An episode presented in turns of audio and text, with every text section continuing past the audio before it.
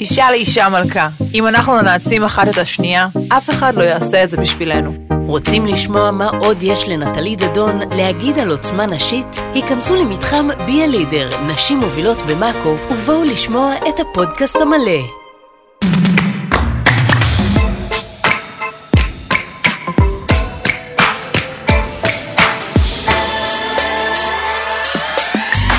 בזמן שעבדתם 47, דני פלד שלום. שלום דרור גלוברמן. יש לנו היום תוכנית גדושה בסיפורים מטורפים, אחד יותר מהשני. אני באמת חושב שזה אחת התוכניות הכי מעניינות מה שעשינו. שמגיע, אה, מה שמגיע כן, עכשיו, נעשה. אנחנו נדבר על עתיד העבודה, נושא. שמדובר לא פעם, אבל עכשיו כשהקורונה כבר כאילו מאחורינו, אנחנו מבינים דברים חדשים על מה זה עבודה בבית והאם היא כאן כדי להישאר. נכון וגם יש בכל מיני התפתחויות כי עכשיו ארצות הברית מתחילה לחזור וכל העולם מסתכל על מה באמת מה הולך. לקרות. נכון. ניתן רמז? לא, לא ניתן רמז, לא ניתן ספוילר. אה, עתיד הכסף, אני אומר לכם ככה, הקריפטו, הביטקוינים ואלה כבר לא מאיימים רק על עתיד הכסף שלנו, הם מאיימים גם על עתיד הבנקים שלנו. נכון. יכול להיות שהם יהרגו את הבנקים. יהרגו את הבנקים זה אתה יודע תמיד מחפשים. מחפשים כותרת כאילו למה אתה פטליסטית. מקלקל עכשיו? תקלקל בהמשך. נכון. אה, יהרגו את הבנקים פרק... ידרכו אותם. כן. נכון, אבל זה יכול להיות פרק מדהים על לאן הקריפטו הזה הולך. נכון. אגב, מניות, העולם הזה של השילוב של מניות עם לייקים ושרים ברשתות החברתיות, חשבנו שזה היה אפיזודה קצרה. פעם זה הולך ונהיה מטורלל יותר ויותר. אתם רוצים נכון. לדעת לאן מניה הולכת? תסתכלו על כמות השרים שהפוסטים עליה מקבלים. לגמרי. זה שמה, זה לא קשור לתוצאות עסקיות בכלל. טרלול מוחלט, ואני אקרא לזה הפרק הזה האחרון שנעסוק בו זה למה טיק טוק רוצה לעקוב אחרי הזקן הכי גברי בטיק טוק. האם טיק טוק עוקבת אחרינו במובנים שלא חשבנו מיד נהיה גם שמה אבל אתה יודע לפני שנלך לעבודה מהבית בוא נגיד מילה על אולי הדרמה הכלכלית הכי מסעירה מסוף השבוע שרי האוצר של מדינות ה-G7 מתכנסים וקובעים. בואו נלך למס אחיד על ענקיות ההייטק בכל העולם 15% שזה ההפך ממה שקורה היום היום חברות כאלה שהן רב-לאומיות פייסבוק או גוגל אה, אמזון אפל מייקרוסופט יש להם שלוחות בהרבה מאוד מדינות בחלקן משלמים יותר מס וחלקן פחות וחלק גדול נכון מהחברה עסוק באיך להזיז את הכספים ככה שאני אשלם מינימום מס לאיזושהי מדינה בכלל. נכון. ודווקא מדינות כמו ארצות הברית, כמו המדינות האירופאיות, גם ישראל, שהיו יכולות לראות הכנסות יפות ממיסים כי יש כאן פעילות, אין כסף, זה נעלם. נכון? תשלום המס של אמזון ואפל בארצות הברית הוא מגוחך. נכון. דרך אגב זה די מדהים כי בחברות הכי טובות בלהתחמק ממס זה חברות אמריקאיות ובזכות זה הן גם מגיעות לשווי שוק יותר גדול ומעסיקות יותר עובדים אז אתה אומר זה... צריך לשקול את התועלת הכלכלית לשני הכיוונים אני לא בטוח ש... כי ארצות הברית היא זאת שדוחפת את היוזמה הזאת הם רצו בעצם מס מאוד מאוד אגרסיבי של 25 אחוזים כן. מס חברות אחיד לכל מדינות אה, העולם במקום שבו בעצם ניתן השירות זה הנקודה אולי הכי נכון. חשובה ומהותית בתוך הסיפור הזה 21 הם רצו וזה התפשרו על 15. נכון והם רצו כדי שהדבר הזה יעבור וכדי שהם יקבלו באמת את הגיבוי של שאר אה, מדינות אה, G7 אז ההצעה שהם הם הציעו זה 15 אחוזים ובאמת זה מה שעבר. כן, אז אה, קודם כל זה נורא מעניין מה יקרה, זה ייקח עוד זמן כמובן שזה יהיה אפקטיבי, איך תגבנה מדינות כמו אירלנד וגם כמו ישראל, שבמידה מסוימת נותנות מקלט מס. מאוד מאוד בקטנה ומאוד מאוד במשורה. תראה, עם אתה יודע, אינטל וטבע וחברות שמייצרות כאן, כן. משלמות מעט מיסים. נכון. וזה יצטרך להשתנות כנראה אם הדבר הזה יתקדם, וגם, נורא מעניין, בסוף כשאני היום קונה מודעה מפייסבוק, אני מקבל חשבונית מאירלנד. כן. אני רוצה לקבל חשבונית מישראל, מפייסבוק ישראל, ושישלמו בו מס. נורא כן. פשוט. השאלה איך יאכפו את זה על כל מיני מדינות עולם שלישי וכל אתה יודע, יגידו לא מעניין אותנו אנחנו לא חלק מהיופי הזה שלכם וזה יהיה מעניין לראות לאן זה ילך. כן. אני צופה הרבה מאוד זאת ייקח אה, זמן. כן הרבה מאוד אה, מכשולים בדרך. אתה יודע מה, אני, אני מודה שאני אוהב, זה אומנם קצת מגדל בבל, אבל פילוסופית, זה שיש שיתוף פעולה ותיאום בין מדינות. נכון. אני אוהב את זה. וזה שהיה צריך להגיע למדיניות מס גלובלית, כבר צפוי 30 שנה, 40 שנה. ברגע שאמרת אינטרנט, אמרת צריך מדיניות מס גלובלית, וצריך ללכת לשם, אין מה לעשות, זה לא הגיוני שקיימן איילנדס יעשו הכנסות של מיליארדים כי הם מספקים מייל, נכון? אה, שוב, הרבה אנשים עשירים אגב נורא כועסים על זה, ברור. אבל זה לא אני, אז מה כן. אכפת לי? אתה עמיד בוא. אני, אני עמיד, בוא, תכנוני מס, אני עוד לא שם. כשאני אהיה בתכנוני מס נדבר. אה, ראית את ההכרזות של אפל? ראיתי. משהו עניין אותך? אפל עשתה ים הכרזות, הסתכלתי על הרשימה של החידושים, היא מטורפת. iOS 15 זה כמובן הדבר הכי מרכזי שהיא השיקה בעצם מערכת ההפעלה החדשה של האייפון ושם יש איזה מין פיצ'ר כזה מאוד מאוד נחמד שבעצם נותן לך פוקוסים. זאת אומרת אתה יכול להחליט שאתה מקבל בשעות העבודה מיילים רק מקבוצה של אנשים ולא מתחיל כאילו להתבדר ברוח בגלל כל מיני מיילים אה, שמסיתים אותך בעצם מהעבודה. כמה זה חשוב. מאוד. כמה מדהים. זה חשוב. מדהים. ואני רוצה את השעות שבה אני מקבל מיילים מאנשים מהעבודה, ורק מהם, ואני רוצה שעות שבהם אני לא מקבל שום מייל מאף איש מהעבודה. נכון. ואתה יודע מה הכי חשוב? שזה צריך להיות הלך רוח תרבותי, שככה עובדים. אתה מבין? שזה יהיה מחוץ לאייפון ומחוץ לעניין הטכנולוגי, כן, ככה אבל עובדים. הם, אתה יודע, אפל אה, מנחילה מדיניות והיא מחלחלת, דרך אגב זה גם יעבור ל-iOS, אה, איך קוראים לזה? יש להם את המערכת ההפעלה הזאת של האייפד, גם שגם היא הושקע, כן. וזה גם יגיע למקים, ובעצם המקים זה כבר של מקום העבודה, ורוב ארצות הברית עדיין משתמשת במקים, אז כאילו זה לגמרי יכול לייצר איזשהו באמת... אה, הלך רוח תרבות- תרבותי. כן, כן. הלך רוח תרבותי, יפה אמרת. אבל אני, תרשה להתקטנן, אני נהניתי ממה שקוראים אפל וואץ', שהופך להיות גם מפתח. להיכנס לבית, להיכנס לחדר מלון, לפתוח את האוטו. כאילו, אני, אני כבר מבין יותר למה אני צריך את המשקולת הזאת כאן, וגם בריאותית, היא משתכללת, היא מודדת יותר דברים. אני כבר רואה את זה, את הרגע שאני אקנה אפל וואץ' שהוא מגיע. אז אה, תראה, קניתי אתמול אה, שעון חדש. אתמול? כן. ומה זה, זה סמסונג? לא, גרמין. גרמין. כן. והחלטתי דווקא באופן מודע שאני לא קונה אפל וואץ'? כי? כי, כי? כן, כל היום יהיה כאילו עסוק בלהסתכל לעצמי על היד. לא, ברור שאתה סוגר קודם כל את כל ההתראות שלו. אז אין לי אף התראה. מי שקונה אפל וואץ' סוגר את ההתראות, כן. אז, כן, אז אין לי התראה, הוא סופר לי צעדים, כל הדברים הבסיסיים שבעצם כן. גרמין יודע לעשות, אפשר לרוץ איתו, אפשר לשמוע את המוזיקה, וזהו, מספיק לי. אנחנו לא, כיתה א' של השעונים, עוד לא... לא, אני לא צריך יותר מזה. אתה יודע, באמת, זה, גם, לא יודע, וזה שאתה כל הזמן כאילו דלוק ומחובר ו... אני לא, אתה רואה את הידיים שלי, צמידים, זה מה יש פה. כן, בסדר. טוב, בוא נדבר על עבודה מהבית. כן, מחבר אותנו מצוין לנושא הבא של עבודה מהבית, ובעצם בלומברג בסוף השבוע בכותרת זהו נגמר העניין הזה של שבוע של אה, חמישה ימים. אגב, סילבן שלום כבר... אה, אמר את זה קודם! כן. לפני... סילבן, אתה היית גאון ואנחנו מתגעגעים, נכון, כן. לפני אה, כבר שמונה, תשע שנים, משהו כזה אני חושב, שהוא בעצם הציע גם להוריד את ימי ראשון, אם אתה זוכר. כן. ובעצם הסיבה... הגיעו נגדו האשמות כן, לעניינים כן, קצת בעייתיים. ואיכשהו התפייד לנו מהמערכת. נכון, בדיוק. איכשהו זה קרה. פלא. ובעצם... לא, רק נגיד, הכותרת שהראית קודם זה אה, האמריקאים מיצו את העניין הזה של שבוע עבודה של חמישה ימים. מיצו. אגב, בעתיד, עתידנים של תעסוקה אומרים שלשם נהיה חייבים ללכת, כי אין מספיק עבודה לכולם, צריך להצטמצם לארבעה ושלושה ימים. בכלל, אגב, של עבודה, לא קשור מאיפה. אני חושב שאנחנו נהיה יותר אפקטיביים בפחות אה, ימי עבודה כי אנחנו וזה בדיוק העניין כאילו אתה מבזבז 85% מהזמן שלך כאילו בתחושה טוענים שהם אה, מבזבזים זמן על אה, להגיע למקום העבודה ולחזור ממנו. כן. כלומר, 85% מתלוננים, כן. נכון, מאנשים אומרים, זה, זה הניג'וס הכי גדל בלעבוד מהעבודה. נכון ויש לזה גם עלויות כי אתה צריך אוטו ואתה צריך מוניות כאילו כל ההתניידות הזאת כן. היא פשוט מאוד מאוד מאוד יקרה אה, חניות ואתה יודע מיליון דברים אחרים נכון. שקשורים ב... ודלק וגם יש עדיין בפערים משמעותיים מטה אבל גם יש את העניין עדיין של פחד מקורונה שעדיין לא הולך לשום מקום. אוקיי. ועדיין, עוד פעם אנחנו בישראל אנחנו קצת כאילו. הדחקנו את זה כבר. גם באיזשהו אי כי באמת רמת החיסונים פה היא כל כך גבוהה אבל בשאר מדינות העולם אנשים עדיין נדבקים ככה פתאום כן. ביום בהיר אחד בקורונה אה, ולא רוצים להתרחק מהקרובי משפחה ומהאחיות ובעצם לא זה דווקא אני מבין את זה. ו- אני חייב את האיזה שלי לידי. כן. נכון וגם צריך לדאוג לילדים שזה גם עוד סיפור מאוד מאוד אה, גדול ופתאום הקורונה חיברה. זה- זה גרם לשני דברים אתה יודע אני כאילו שומע מחברים ומאנשים קרובים זה גרם או לזה שמשפחות כאילו נהיו הרבה הרבה יותר מלוכדות או או שגל ההפך. מטורף גל מטורף של גירושים. של גירושים שאני מכיר כאילו באמת אה, שומע כל הזמן סיפורים.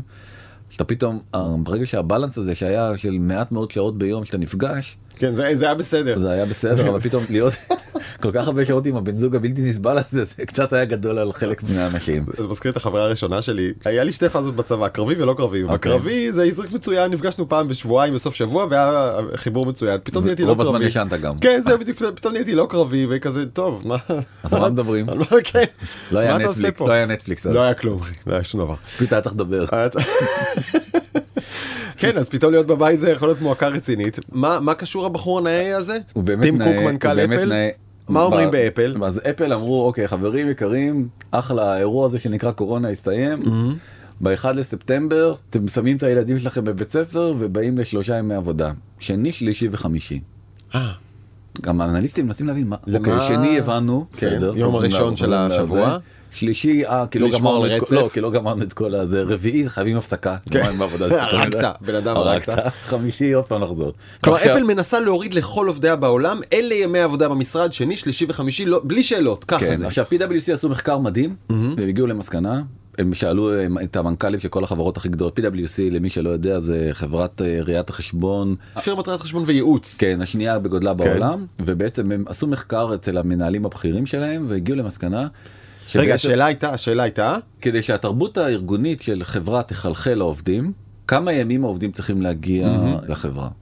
המספר אה, כאילו המובהקות הכי גבוהה זה שלושה ימים. זאת אומרת בעצם שליש מהמנכ"לים של החברות בארצות הברית אמרו אנחנו צריכים את העובדים שלושה ימים במשרדים כדי שנצליח להנחיל להם את הערכים הנהדרים של החברה שאותה אנחנו מנהלים. כן. שצריך להגיד, בזמן הקורונה כשעובדים היו בבית, משהו בתרבות הארגונית ובחיבור בין אנשים ובין העובדים האחרים ובין הארגון התמוסס. נכון. ויש הרבה עובדים שגויסו בזמן הקורונה לארגון שבכלל לא מכירים, שבשבילם הארגון זה קצת מסכים וקצת מיילים בעיקר זום. וזום, והם לא מרגישים מחוברים לשום דבר במיוחד, והחיבור הזה חשוב לארגונים, נכון. זה ברור. אז בוא נחזור לאפל אז עובדי אפל זה מה זה בא להם לא טוב הסיפור הזה והם כתבו לו חזרה מכתב אמרו תקשיב זה מכתב לחזור לעבודה? אדוני הבוס, מה זאת אומרת? כן. השתגעת? אז בוא ניתן לך מכיוון אתה כזה קריין נפלא בוא ניתן לך אני לא מגיע לקרסוליך דני. אה, עלינו לבחור בין האיזון של המשפחות שלנו, הרווחה האישית שלנו והיכולת לבצע את העבודה הטובה ביותר שלנו, ובין בחירה להיות חלק מאפל. וואו, איזה, איזה משפט דרמטי. דרמטי מאוד. כאילו, השלושה ימי עבודה במשרד שאתה דורש, אדוני המנכ"ל, זה ישבור אותנו. זה ישבור אותנו לגמרי. אנחנו מבקשים מאפל שתעניק את המנדט לקבל החלטה על עבודה מהבית וגמישות לרמת הצוות, כמו שמחליטים על לגייס עובד חדש. נכון.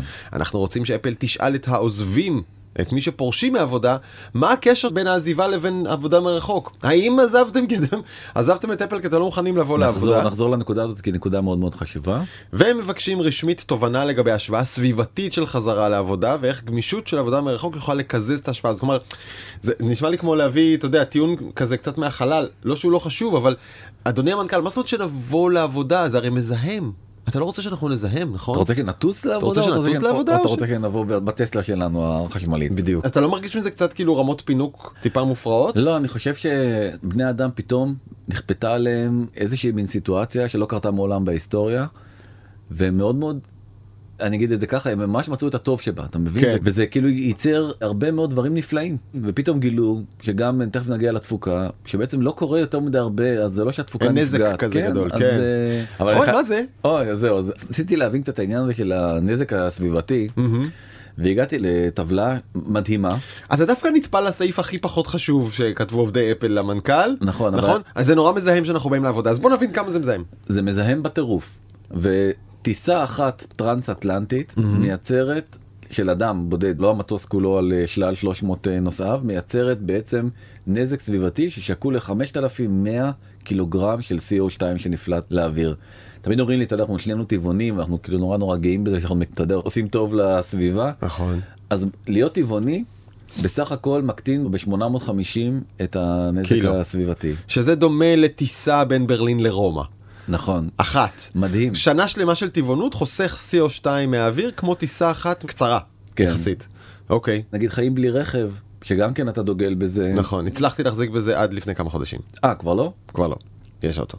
אוקיי יש ילדות, יש זה. כן. אבל הצלחתי, עד גיל 43 הייתי אדם ללא רכב, וחסכתי ככה 2,000 קילוגרם של CO2 בשנה, שזה יפה, לא? נכון אבל זה עדיין מדהים תחשוב רכב שנה שלמה טיסה אחת טרנס אטלנטית זה- אחת. זה כאילו שנתיים של רכב מדהים. זה פשוט לא נורמלי. מדהים. כלומר, ואז אתה אומר, אוקיי, אז כמה זיהום הקורונה הזאת והיעדר טיסותיה חסכות? אתה יודע מה אני מבין? שטיסות זולות זה נזק סביבתי. טיסה זולה זה נזק סביבתי. לא, טיסה צריכה להיות יקרה. שאנשים לא טיסה. זה, לא טיסה זה נזק סביבתי זה רק אומר שפה דרך אגב אפרופו מקום לחדשנות. הנה המקום שבו העולם כאילו אליו צריך ללכת או למטוסים חשמליים מנסים לעבוד על זה וואו. או על אה, צורות אחרות של אנרגיה. ייתכן שתיגמר לנו הבטריה באמצע הטיסה, אנחנו משתדל לנחות קודם. כן, נטעה קצת. אוקיי. ואני חוזר חזרה לעניין הזה שבעצם אפל מצביעה עליו זה שעובדים היום גם בישראל וגם בעולם אומרים תקשיב אם אתם לא נותנים לנו לעבוד מהבית או את הגמישות הזאת אנחנו לא, לא רוצים לעבוד אצלכם. תשמע, לפני שבועיים עשינו בנקסט special בדיוק על זה, והבאנו את עינת גז, מנכ"לית פאפאיה, פאפאיה זה סטארט-אפ נחשב, אחד ה unicorns הכי בולטים בישראל בחודשים האחרונים. יוניקורן, כלומר חברה ששווה יותר ממיליארד דולר, והיא, עינת המנכ"לית, אמרה ביום שהקורונה נגמרה, הוצאתי מייל לכל העובדים, עכשיו. Move your asses, שימו את התחת שלכם פה על כיסאות. אמרתי, מה, מה זאת אומרת, כולם כל הזמן? היא אומרת, לא, שלושה ימים בשבוע. חזרנו לשלושה ימים בשבוע שהיה קודם. מה, ולא עשו לך בעיות? היא אומרת, לא, הם בדיוק חזרו מחופשה יוקרתית בחו"ל, אז אף אחד לא היה לו פה לצייץ. אבל העובדים הגיעו, והיא אומרת, זה חשוב, תרבות, עם כל הכבוד לזומים ולמיילים, עובדים צריכים להיפגש ולעבוד ביחד. אז אתה רואה שבדיוק כמו המחקר הזה של PwC, חושבת ששלושה ימים בשבוע זה מה שצריך. נכון. עכשיו, רוב העובדים, הרוב המוחלט, כמעט אה, 70 אחוזים, חושבים שצריך בעצם אה, איזשהו איזון בין בית לבין אה, משרד, רק 30 אחוזים, 31.7 אחוזים. היו מעדיפים להיות חמישה ימים בשבוע בבית כנראה אלה שלא מסתדרים עם האנשים שלהם או לא ממש אלה שלא מסתדרות עם הגברים שלהם, התכוונת? כן. כן. נכון אה, מה שתגיד טוב ועכשיו השאלה הגדולה, האם זה אכן יותר טוב לעבוד מהבית? נכון? זה דבר שאנחנו גם אותו מגלגלים מתחילת הקורונה. נכון, אז, אז הכוכב הגדול אולי של הקורונה חוץ מדונלד טראמפ זה פרופסור ניקולס אה, בלום מאוניברסיטת סטנפורד שהוא בעצם חוקר את העניין הזה של מודל היברידי כזה של לעבוד מהבית כבר שנים ארוכות עוד הרבה של. חצי חצי עבודה ומשרד. נכון או לא חצי חצי בודק את היחסים הוא כבר מזמן הגיע למסקנה שבעצם בין שניים לשלושה ימים בבית ובמשרד הכל תלוי בתרבות הארגונית ובחברה זה זה האופטימום. האופטימום. אז הוא גילה שבעצם כל העבודה הזאת בשנה האחרונה של הקורונה יצרה אצל רוב החברות בארצות הברית עלייה של חמישה אחוז בתפוקה. מדהים. מדהים באמת מדהים. מדהים.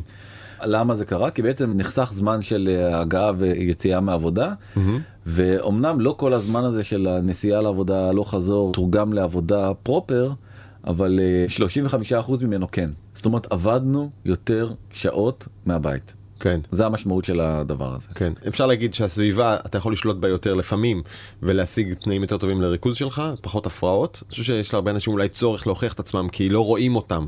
קצת הפוליטיקה הארגונית נפגעה, אתה צריך להראות תפוקה, לא לפטפט. כן. אה, שאני דווקא אוהב את זה. והמחקר שאני אוהב מלפני שנתיים וחצי באנגליה הראה שעובדים ממילא עובדים מתוך שמונה שעות בממוצע, עובדי משרדים, לא שש שעות ולא ארבע שעות, אלא שעתיים וחמישים דקות. זה זמן העבודה הממוצע מתוך שמונה שעות שאשכרה קיבלת תשלום. כן. אז מלכתחילה זה לא שרף הפרודוקטיביות היה כל כך גבוה במשרדים שהחזרה הביתה הייתה כזה אסון. כלומר גם ככה לא שאפנו ליותר מדי אז אם הצלחת לעלות משעתיים חמישים פרודקטיביות לשלוש שעות ורבע זה טירוף נכון. של תוספת. ובעצם הוא המציא גם מושג חדש שנקרא The Donut Effect. The donut effect. ובעצם הוא גילה שבגלל שאפשר לעלות בזום ולא חייבים להיות קרובים למקום העבודה אז בעצם אפשר לצאת ממרכז העיר שזה החור באמצע הסופגניה לפרברים. יפה. ומעולם הפרברים לא היו אה, נחשקים כל כך כמו שהם עכשיו בתקופה הזאת גם כמו- מבחינת המחירים של הדירות בארצות הברית. כלומר לא צריך לגור ליד עזריאלי ולא כן. צריך לגור גם בהרצליה אפשר פרדס חנה גם עובד נכון. כי אתה גם ככה בזום. ואז אני- אתה מקבל איכות חיים יותר גבוהה אתה פחות זמן מבזבז בנסיעות ברכבת ישראל. אני מחכה למחקר שיעסוק לא באנשים שגם ככה גרו במרכז ויכולים עכשיו לצאת החוצה, אלא בהזדמנויות החדשות שהפכו להיות אפשריות עבור אנשים שגם ככה כבר גרים בפריפריה.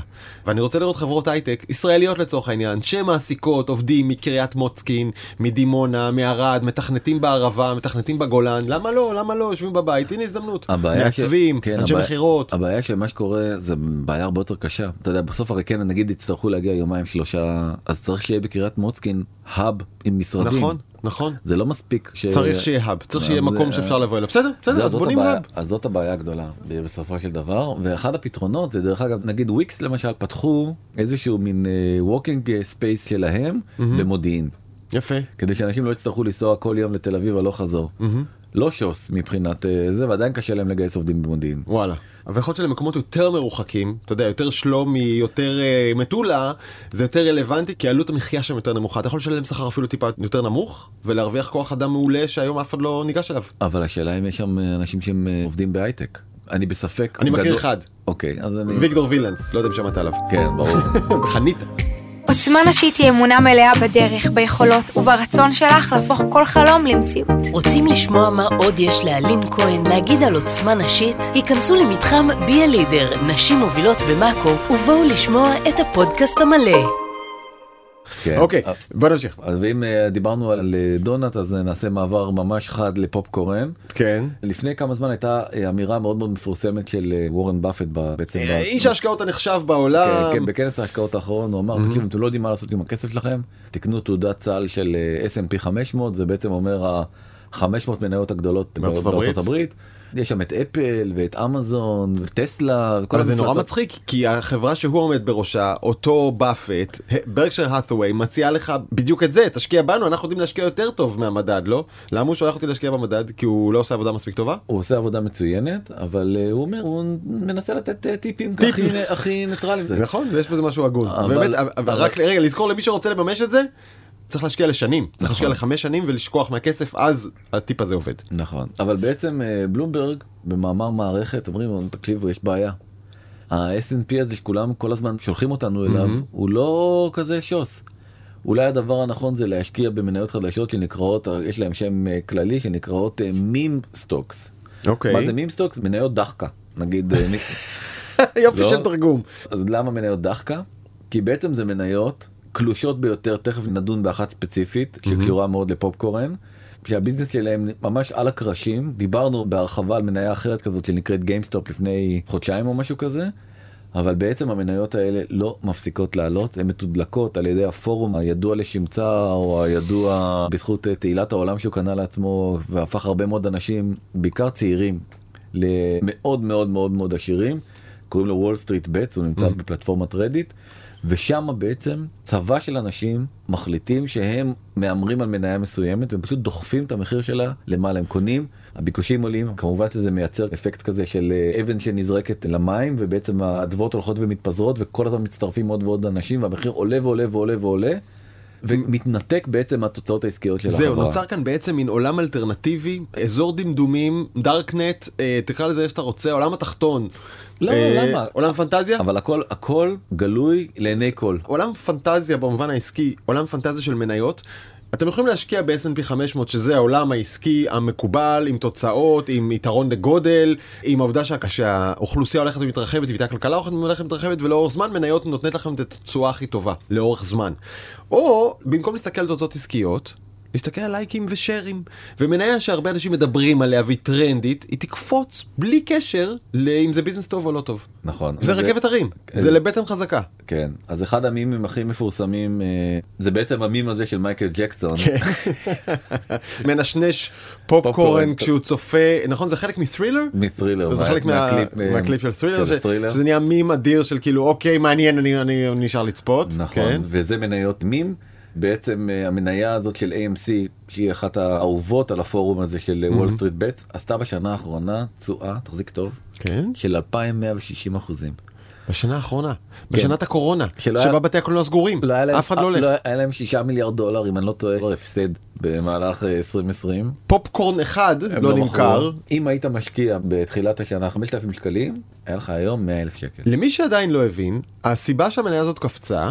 היא כי היא נהייתה ויראלית, היא נהייתה קטע לדבר עליו באינטרנט ולסחור בו. בפורום מאוד מאוד בפורום מסוים. ספציפי, זהו. כן. זה מקפיץ מניות, זה- לזה אנחנו מתכוונים כשאנחנו אומרים מניות מים, מניות שנהיו ויראליות מעצם עצמן, לא קשורות לתוצאות העסקיות, ומזה הן קופצות בטירוף. נכון, אבל-. ויש גם דמות מאוד ססגונית בראש החברה הזאת, יהודי חם שקוראים כן. לו אדם אהרון, כן. איזה שם, אה? כמו שצריך. אדם אהרון, שאתה תקרא את הכותרת פה, בעצם באמצעות פופקורן וטוויטים, AMC's CEO rides retail investor wave. בעזרת פופקורן וציוצים, מנכ"ל AMC, רשת בתי הקולנוע, מצליח להדהיר גל של משקיעים. כן, retail זה המשקיעים האלה שמשתמשים ברובין הוד, בעצם כן. לא משקיעים מוסדיים, אלא, אתה יודע, כמוני כמוך, שמים- כמוני כמוך, שבעצם קונים באופן ישיר. הולכים לעבוד ב babysitting, מקבלים 120 דולר, שמים את זה על מניה. ואיך נראה טוויט שלו, הוא בעצם בא ואומר, תוכיחו שהשקעתם, שיש מחזיקים מניות של AMC, תבואו לראות סרט, קבלו פופקורן חינם. כי אתם כאלה נהדרים ואני בעצם עובד בשבילכם. אני אוהב את זה. הוא גאון. כן, רק שמצד שני זה קצת אילון מאסק במובן הזה שזו חברה בורסאית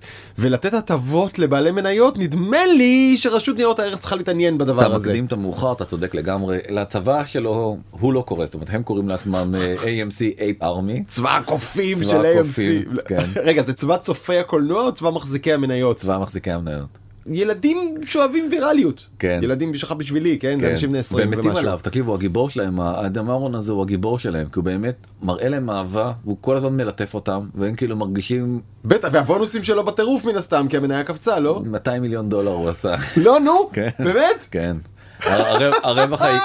הרווח- האישי שלו עלה ב-200 מיליון דולר. לא יאמן. כן. דני בוא נעשה כזה דבר בוא נפתח איזה חברה שאוהבת מילניאלס היא לא צריכה פעילות עסקית היא לא צריכה תוצאות עסקיות זה לא משנה בכלל.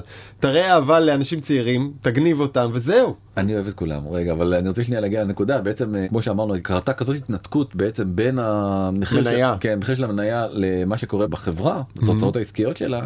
שכבר ביום שישי הם אה, שחררו אזהרה תקשיבו חבר'ה איבדנו קצת קשר עם המציאות המניה כאילו צללה ב-20 אחוזים כבר עלתה עוד פעם חזרה מאז וכל הכרישים עכשיו מסביב. כן. כל הקרנות גידור הענקיות כן. האלה שבעצם אתה זוכר התחילו את כל הסיפור הזה עם גיימסטופ עכשיו בעצם מנסות לייצר פוזיציות מחודשות כי הן מבינות שבעצם יש פה חברה שבגג המחיר המניה צריך להיות אה, 10 דולר היום הוא סביב 40 ומשהו אם אני לא טועה 47 הוא הגיע כבר למעל 60 כמעט הגיע ל-70.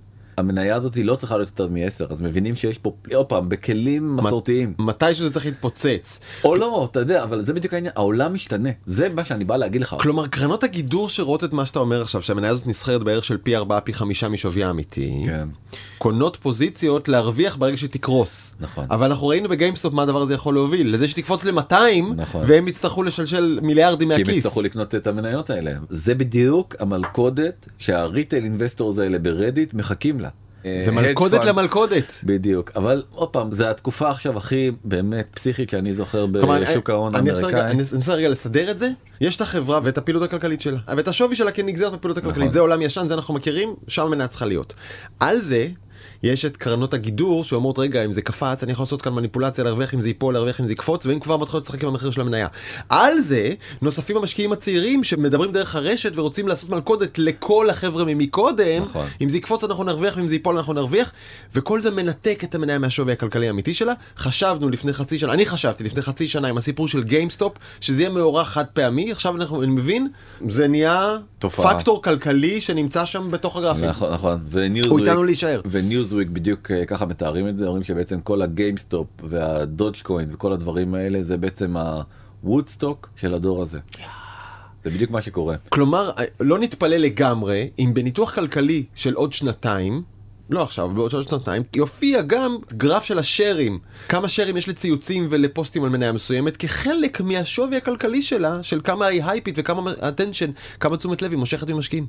השאלה איך אתה יכול מה, מה אתה עושה עם המידע הזה הקושי הגדול זה להבין איך ציוצים תורמים לתוצאות כלכליות. הם לא תורמים, הם תורמים רק להייפ של משקיעים, והקושי הגדול הוא, הוא אולי רגולטורי, איך, מה חוקי מזה ומה לא חוקי ואיך הרשות מתמודדת. אז בוא נדבר על הייפ אז יש מטבע שקוראים לו ביטקוין שאף אחד לא מבין עד הסוף מה עושים איתו כן. ואני רוצה לך עוד slide מדהים בעצם שמראה כמה זמן לקח לכל חברה או תופעה כזאת להגיע לשווי של טריליארד דולר. אלף מיליארדים, כן. אז למייקרוסופט זה לקח אה, 44 שנים ולאפל 42 ולאמזון כבר 24 ולגוגל בסך הכל 21 אתה רואה ככל שהדבר הזה צעיר יותר אז ככה לוקח לו פחות זמן. ולביטקוין לקח להגיע לשווי מצרפי של אה, טריליארד דולר 12 שנים. שזה פשוט מדהים. אגב, הטריליארד דולר של ביטקוין הוא היום נכון, כשהם היו ב-60 אלף דולר זה כבר היה שניים ומשהו אם אני לא טועה.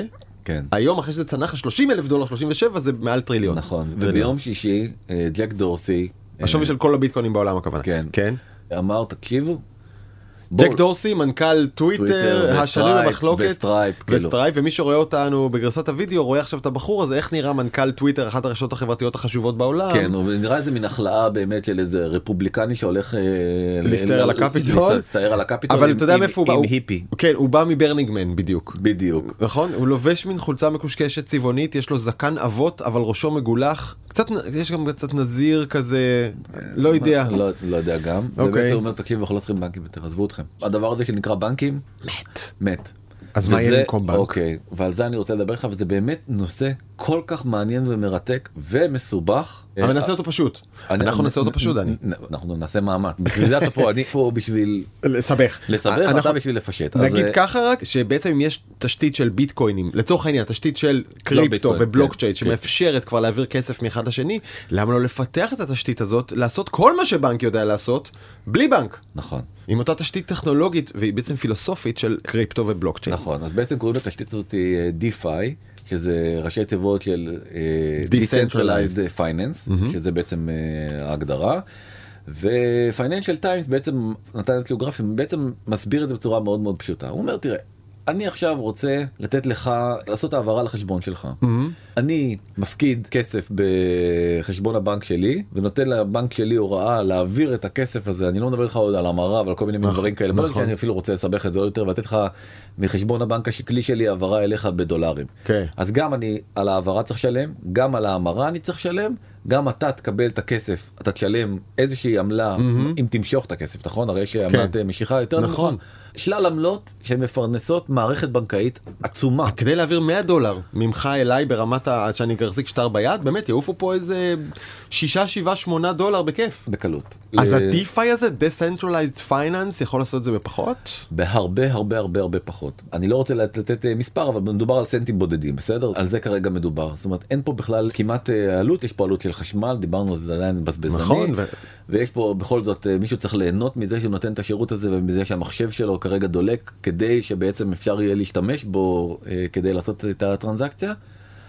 אבל אין מה להשוות את זה למאות אלפי פקידים ויסלחו לי כל אה, עובדי הבנקים המסורים. לא בטוח ש- שהם יסלחו. לא בסדר ש... ומשרדיהם המפונפנים ורכביהם וטיסותיהם. ודן אילת אתה יודע שהחופש השנתי וכל ההטבות הטוב עכשיו לא, לא, לא, לא. אסור אסור להגיד אה? דבר יפה. דבר יפה. לא סבתא שלי זיכרונה לברכה עבדה בבנק לאומי אני כאילו יש לי באמת המון הערכה ואהבה לה בתור נכד הייתי מצטרף אליה. לכל ה... אכלת ארוחת צהריים נכון. מהמשכורת של בנק לאומי. נכון אבל אבל בעצם אנחנו מדברים על לא להביא מחשב לרשות הבנקים והבנקאים זה כמובן כבר יש אלא להחליף אותם all together במערכת ממוחשבת שפשוט יודעת לעשות מה שבנק עושה. נכון ומרק קיובן גם אומר אם יש דבר שצריך ללמוד זה בעצם את הדבר הזה אז מה זה בעצם כן. אומר ה-DeFi הזה בעצם יש איזושהי תשתית תשתית האינטרנט הפתוחה. שזה מקביל נגיד בעולם של אייפון לדיווייס שהוא נקרא אייפון עליו יש בעצם איזושהי מערכת הפעלה שהיא כרגע מבוססת מטבע שהוא כמו ביטקוין קוראים לו איתריום. זה לא חייב להיות איתריום פרסה זה יכול להיות מטבע אחר עם יכולות כמו של איתריום. כלומר אנחנו צריכים איזשהו מטבע שהוא לא צמוד מדינה לא דולר ולא שקל אלא איזשהו מטבע גנרי. כן. נכון? ההבדל למה זה אתריום ולא ביטקוין אני כן שנייה נכנס להסברון קטנטן. כן. ביטקוין אין לך שום יכולות לייצר עליו חוזה חכם. קוראים לזה smart contract על אתריום אתה כן יכול לייצר המון המון המון חוקיות שבעצם מייצרת אה, מערכת בנקאית. אתה יכול ליצור בעצם על גבי ה smart contract הזה ההסכם הזה שאנחנו עושים אתה ואני. שלל חוקים תכף נגיע למה זה כלומר, החוקים ת- האלה. נגיד תדמיינו שאני מלווה לדני שקל ובתוך השקל הזה כבר כתוב הוא צריך להחזיר לי את זה עם ריבית של ככה וככה. נכון שזה מקביל ל-iOS בעצם למערכת ההפעלה שיש לנו באפל ועליו אתה יכול לעשות איזה אפליקציה שאתה רוצה. כן. אז בוא נדבר שנייה מה בעצם האפליקציות האפליקציות זה או הלוואות או חוזים עתידיים כמו הימורים. או בעצם אה, ביטקוין שדיברנו עליו שכרגע אין לו יכולות של חוזה חכם להוסיף לעטוף בעצם ביטקוין עם אה, חוזה חכם. או מטבעות יציבים או המרות של מטבעות. בוא ניתן דוגמה קטנה לכל אה, דבר ודבר כדי שיבינו על מה אנחנו כן. מדברים אז בעצם הלוואה הכי פשוט אני קובע איזושהי ריבית תכף אנחנו נדבר גם על אה, זה ואני נותן לך הלוואה בריבית מסוימת וזה ההסכם בינך לביני חוזה עתידי. כשהטכנולוגיה בעצם מוודאה את זה שאתה העברת לי את הכסף ושאני אהיה חייב להחזיר לך את הכסף. נכון. ואתה לא צריך את הבנק שיתווך בינינו. אין בנק. הטכנולוגיה מתווכת. הטכנולוגיה. והיא מאמתת לך שלי יש בטוחות על ההלוואה הזאת ושאם אני לא משלם ברצון הבטוחה זורמת אליך אוטומטית. נכון מאוד. בלי בנק באמצע רק, נכון. רק שורת קוד. נכון ובעצם יש את העניין של חוזים עתידיים זאת אומרת אם מחיר הנפט יגיע לרמה מסוימת אז אני אצטרך לשלם סכום כסף מסוים.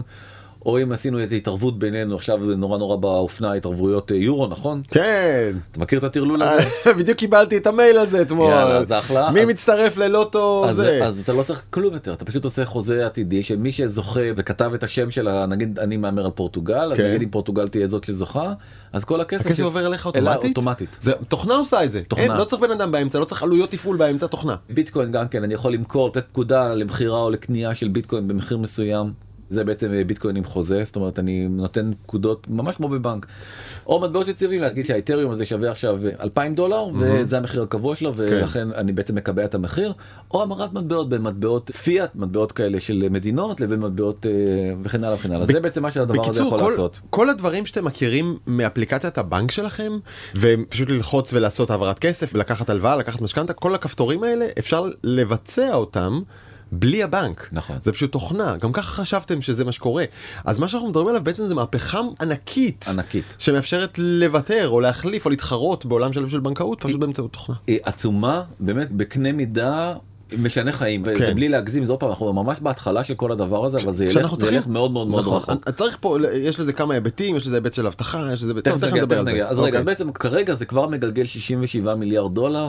העולם הזה ו- שדיברנו עליו זה- הבנקים האלה כבר קיימים נכון, אלה בעצם האפליקציות המובילות מבחינת ה... כרגע היום הרי אמרנו שזה כמו אפליקציות באייפון, זה הדרך הכי פשוטה והגיונית להסתכל על זה, אז אלה האפליקציות המובילות. אתה יכול לראות שהשלוש אפליקציות הראשונות, Aave, אה, Maker ו Compound, זה בעצם אפליקציות של אה, הלוואת כספים. כלומר דברים שלא שמענו עליהם רוב הציבור לא מכיר כן. אבל יש מיליארדים, אני אומר לך, זה מיל- מיליארדים. מיליארדי דולרים אתם יכולים אם אתם צריכים הלוואה יכול להיות שזה המקום הנכון שלכם לקחת את ההלוואה או הפוך אם יש לכם כסף להלוות אתם יכולים להגיד אוקיי אני שם את הכסף שלי באבי קובע שאני רוצה ריבית כך וכך וזה יחזור יש שם כבר עשרה מיליארד דולר בחברה הזאת, וואו כמחזור כן של הלוואות, עשרה מיליארד דולר. זה, תחשוב כמה חברות אתה מכיר, זה כמו בנק קטן. זה בנק ענק, לא אתה- קטן. אז, אז אתה יכול להלוות או ללוות כבר היום במיליארדים אתה יכול לקבל תשלום נגיד משכורת באמצעות אפליקציה אחרת נכון. בשם פוליגון שכבר היום היא מעבירה תשלומים בגודל של 7 מיליארד דולר כן. אתה יכול לקנות נכסים עם הכסף הזה בחברה בשם Yearn Finance זה כבר הפרטה או שברירי בנקים שכבר הולכים וגדלים לנו נכון, אתה גם יכול לעשות כל מיני דברים מאוד מאוד מאוד מגניבים, כמו לוטו. שזה בעצם שם- גם חוזה כספי נכון, אמנם אוקיי. אין שם את אה, עירית ענבי, שזה לא שווה כלום שזה מצער מאוד, אבל יש בעצם אה, אפליקציה מאוד מאוד מאוד מגניבה שקוראים לה PoolTogether, כן. ומה היא עושה? היא אומרת לך, תקשיב, אתה- אתה קונה כרטיס ואתה לא מפסיד את הכסף אף פעם. אבל אז איפה הגרלה? אוקיי. עכשיו בגלל שלא צריך לשלם למפעל הפיס ולכל הפקידים שם במפעל הפיס. ואין אלא שצריכה להתקשר אליך ולהגיד לך שזכית אלא בעצם אה, אתה יכול לקבל אימייל אוטומטי אהה. אז אתה חוסך המון המון המון המון עלויות הם בעצם אומרים כזה דבר אתה קונה כרטיס ובסוף בסוף כל שבוע יש pool של כסף מריבית שהיא מוצמדת לאיזה stable coin נקרא די לא משנה אני לא אעלה אותך בכל איך זה עובד.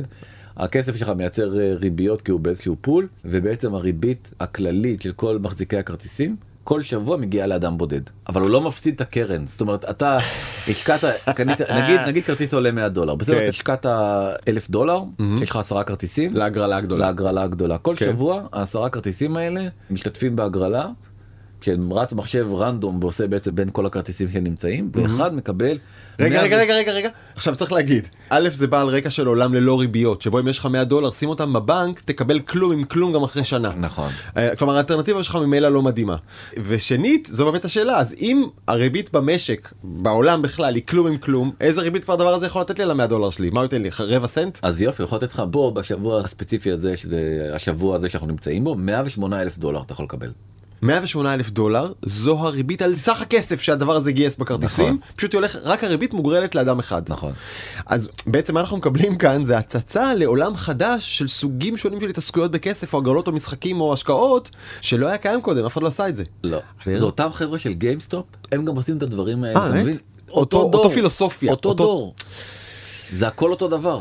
אבל אני אומר זה גם העתיד של בעצם כל ה-decentralized finance ובעצם יש מושג מאוד מאוד רותח שנקרא yield farming גידול חקלאי של תשואות. כן. תרגום גרוע. יופי, דני, יופי. כן נכון? הצליח לי. תישאר אה, בטכנולוגיה. בדיוק. אז בעצם מה זה אומר? אתה בעצם מייצר pool. כן. אתה ואני נגיד מחליטים ביחד לייצר איזושהי מין קופה כזאת שבה אנחנו נותנים את ההלוואה ואנחנו אומרים מגדירים את התנאים של ה pool הזה. רגע רגע יש לי אלף דולר spare ולך יש אלף דולר spare אנחנו שמים אותם ביחד אלפיים דולר מי רוצה את זה כהלוואה. נכון. עכשיו מה? באים כל מיני לווים עם הביטחונות שלהם. גובים את האלפיים דולר האלה, כן. לוקחים מאיתנו את האלפיים לווים דולר, האלה, אותם. לווים אותם, כן. ובעצם בתמורה לזה מתחייבים להחזיר לנו, נגיד אם גבינו אה, עשרה אחוזים, אה, רק 2,100? אנחנו, 2,200? כן, או יופי. חמישה אחוזים, 2,100 כן. וכן הלאה וכן הלאה. זהו, אנחנו יכולים להגדיר בעצמנו, בלי שבנק יגדיר לנו מה החוקים, איזה ריבית אנחנו רוצים לקבל תמורת הכסף שלנו. תחשוב, איזה מהפכה. ואז אנחנו והכל- תחרותי וה- בעצם אם אני רוצה 10% בא מישהו אחר רוצה 9% אז ילכו אליו וכך נכון. הלאה כשכל הצדדים הכל תעבורת הכסף והביטחונות הטכנולוגיה מנהלת ללא מגע יד אדם. נכון ויש כל מיני אלגוריתמים מאוד מאוד מתוחכמים שבעצם עושים לך כל הזמן אופטימיזציה בגלל זה נקרא אילד פארמינג. נגיד אם אתה רוצה או להשקיע או ללוות. לבוא ולהסתכל בעצם על כל החוזים החכמים שמסתובבים עכשיו בשוק ולהחליט אוקיי אז אני עכשיו מצטרף. דרור ודני פה עשו איזה מין אה, עסקה ממש ממש טובה יש להם חמישה אחוזים זה היה כרגע העסקה הכי טובה שיש בשוק אני מצטרף אליהם. אה, ואז- נכנס איתנו לעסקה שלנו נכון. ושם גם את 2,000 דולר שלו. נכון.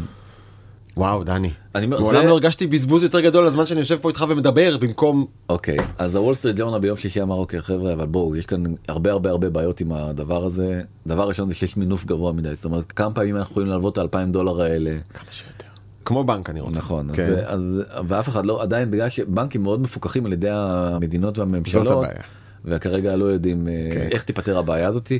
יש בעיית אמינות קשה מאוד. רגע, צריך להגיד איזה מילה? רגולציה, אמינות, אלה, אלה דברים שאנחנו כאילו לא דיברנו עליהם עכשיו, התפעלנו מהטכנולוגיה, ובצדק, זה מפעים, אבל בסוף כשאתה הולך לבנק גדול, אתה יודע שהכסף שם, הוא בטוח והוא לא ייעלם, וזה דבר שהקריפטו, או כל העולם הזה של דיפיי, צריך עוד להוכיח את האמינות שלו, נכון? נכון, יש בעיות אבטחה קשות, רק בשנה שעברה נגנבו מעל 100 מיליון דולר על ידי האקרים. שזה בעיקר בגלל בעיות אנושיות, נכון? אנשים עשו טעות עם הסיסמה, זה לא שהטכנולוגיה נפרצה. גם וגם, הכל אוקיי. מהכל. אבל אתמול, ביום שני בעצם, הבנק המרכזי של אנגליה אמר, תקשיבו, סכנה אמיתית למערכת הבנקאות הבריטית, וצריך להיערך לדבר הזה. מה זה אומר צריך להיערך לדבר הזה?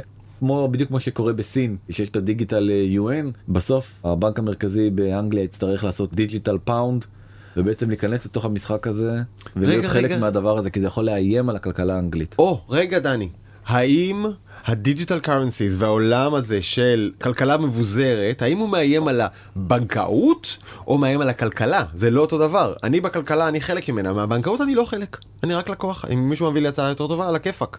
על מה זה מאיים? כי לפי הכותרת הזאת אנחנו מודאגים, או אה, הבנק המרכזי האנגלי, נכון, מודאג מהאיום על יציבותם של הבנקים האנגלים. נכון. אבל מי אמר שזה רע שתהיה לו תחרות? אם התחרות היא הוגנת והיא טובה וזה שירותים יציבים ואמינים, על הכיפאק. אה. לכלכלה זה טוב? אז אני אומר עוד פעם, ברגע שהבנק המרכזי לא שולט בעניין הזה, והתחלנו בלדבר על אה, G7, איך אתה בדיוק דואג לכל עניין המיסים ולכל עניין ה... אתה יודע, בסוף המדינה כן. צריכה גם כן ליהנות מכל מה שקורה פה, וכרגע לא יודעת כלום על הדבר הזה. כמה הזדמנויות עסקיות, יואו, כן, כמה הזדמנויות זה עסקיות. הזדמנות עסקית אדירה הדבר הזה. בוא נדבר שנייה על ביטקוין, המטבע הידוע לשמצה. כן. הזכרנו גם כן לפני שבועיים אמרנו שזה פשוט לא ברור מה קורה עם אה, סק ועם אה, אילון מאסק ואיך יכול להיות שלא באמת נכנסים בו. בוא נגיד אילון מאסק מצייץ ציוצים שמדהירים את ערך הביטקוין או את הדודג' שהוא תומך בו גם. עכשיו הוא צייץ ההפך. כן. הוא ירד על הביטקוין. כי זה מזהם ואז אה, כי זה מזהם אבל הצעדים האלה שלו כאדם ששולט בחברות ענקיות שמונפקות בארצות הברית הן בעיות רגולטוריות כי זה משפיע על ערכים של מניות גם. טסלה הייתה מושקעת בביטקוין. נכון. היא כבר לא היא עדיין לא יודע אז אה, הוא הודיע שטסלה לא, לא מוכרת את הביטקוינים שלה ובכל מקרה הוא אחד הסיבות לא היחידה דיברנו על זה כן. באריכות אבל הוא אחת הסיבות לזה שבעצם הביטקוין אה, ירד. הפעם הוא כבר הסתבך עם מישהו שאתה לא בא לך להסתבך איתו וזה קבוצת ההאקרים הכי גדולה בעולם קוראים לה אנונימוס. יש לך מסכה בבית? לא. יש לי. וואלה. כן. והם בעצם אה, נמאס להם מזה שהוא בעצם מחריב את הערך של הביטקוינים כי הם רוב הכסף שלהם נמצא בביטקוינים. והם שלחו לו הודעה שפשוט נראית כמו בעצם סרטון של אה, מיסטר רובוט. כן. Greetings, citizens of the world. This is a message from Anonymous. ראית. מיסטר רובוט? כן ברור. the past several years, you have enjoyed one of the most favorable reputations of כן, והטענה in the העיקרית שלהם זה שבעצם הוא because משרת כלכלות ומדינות, ובעצם זה. הם טוענים שמה שאילון מאסק מקלקל להם את הביטקוין. נכון. וזה מטבע שהם רגילים להשתמש בו נכון, לעסקאות כשרות יותר או פחות. בגלל שהוא נכנע לכל מיני לחצים של אה, ראשי מדינות, כי ראשי מדינות לא רוצים שיהיה ביטקוין. רק שתי הערות שחשוב להגיד. אוקיי. אחד, אנונימוס זה כל מי שאומר שהוא אנונימוס. אתה ואני יכולים לשים מסכה, לעשות את הקול הזה, ואנחנו יכול, אנונימוס. אני לא יכול לעשות קודם כל. מי שעושה את הקול הזה הוא אנונימוס כאילו אין אין שם גוף גם שם זה גם ביטקוין זה גם נכון. מבוזר לגמרי בלי שליטה. נכון, זה חלק- מהעניין, זה חלק מהעניין, זה אנרכיה כן. מוחלטת. כן.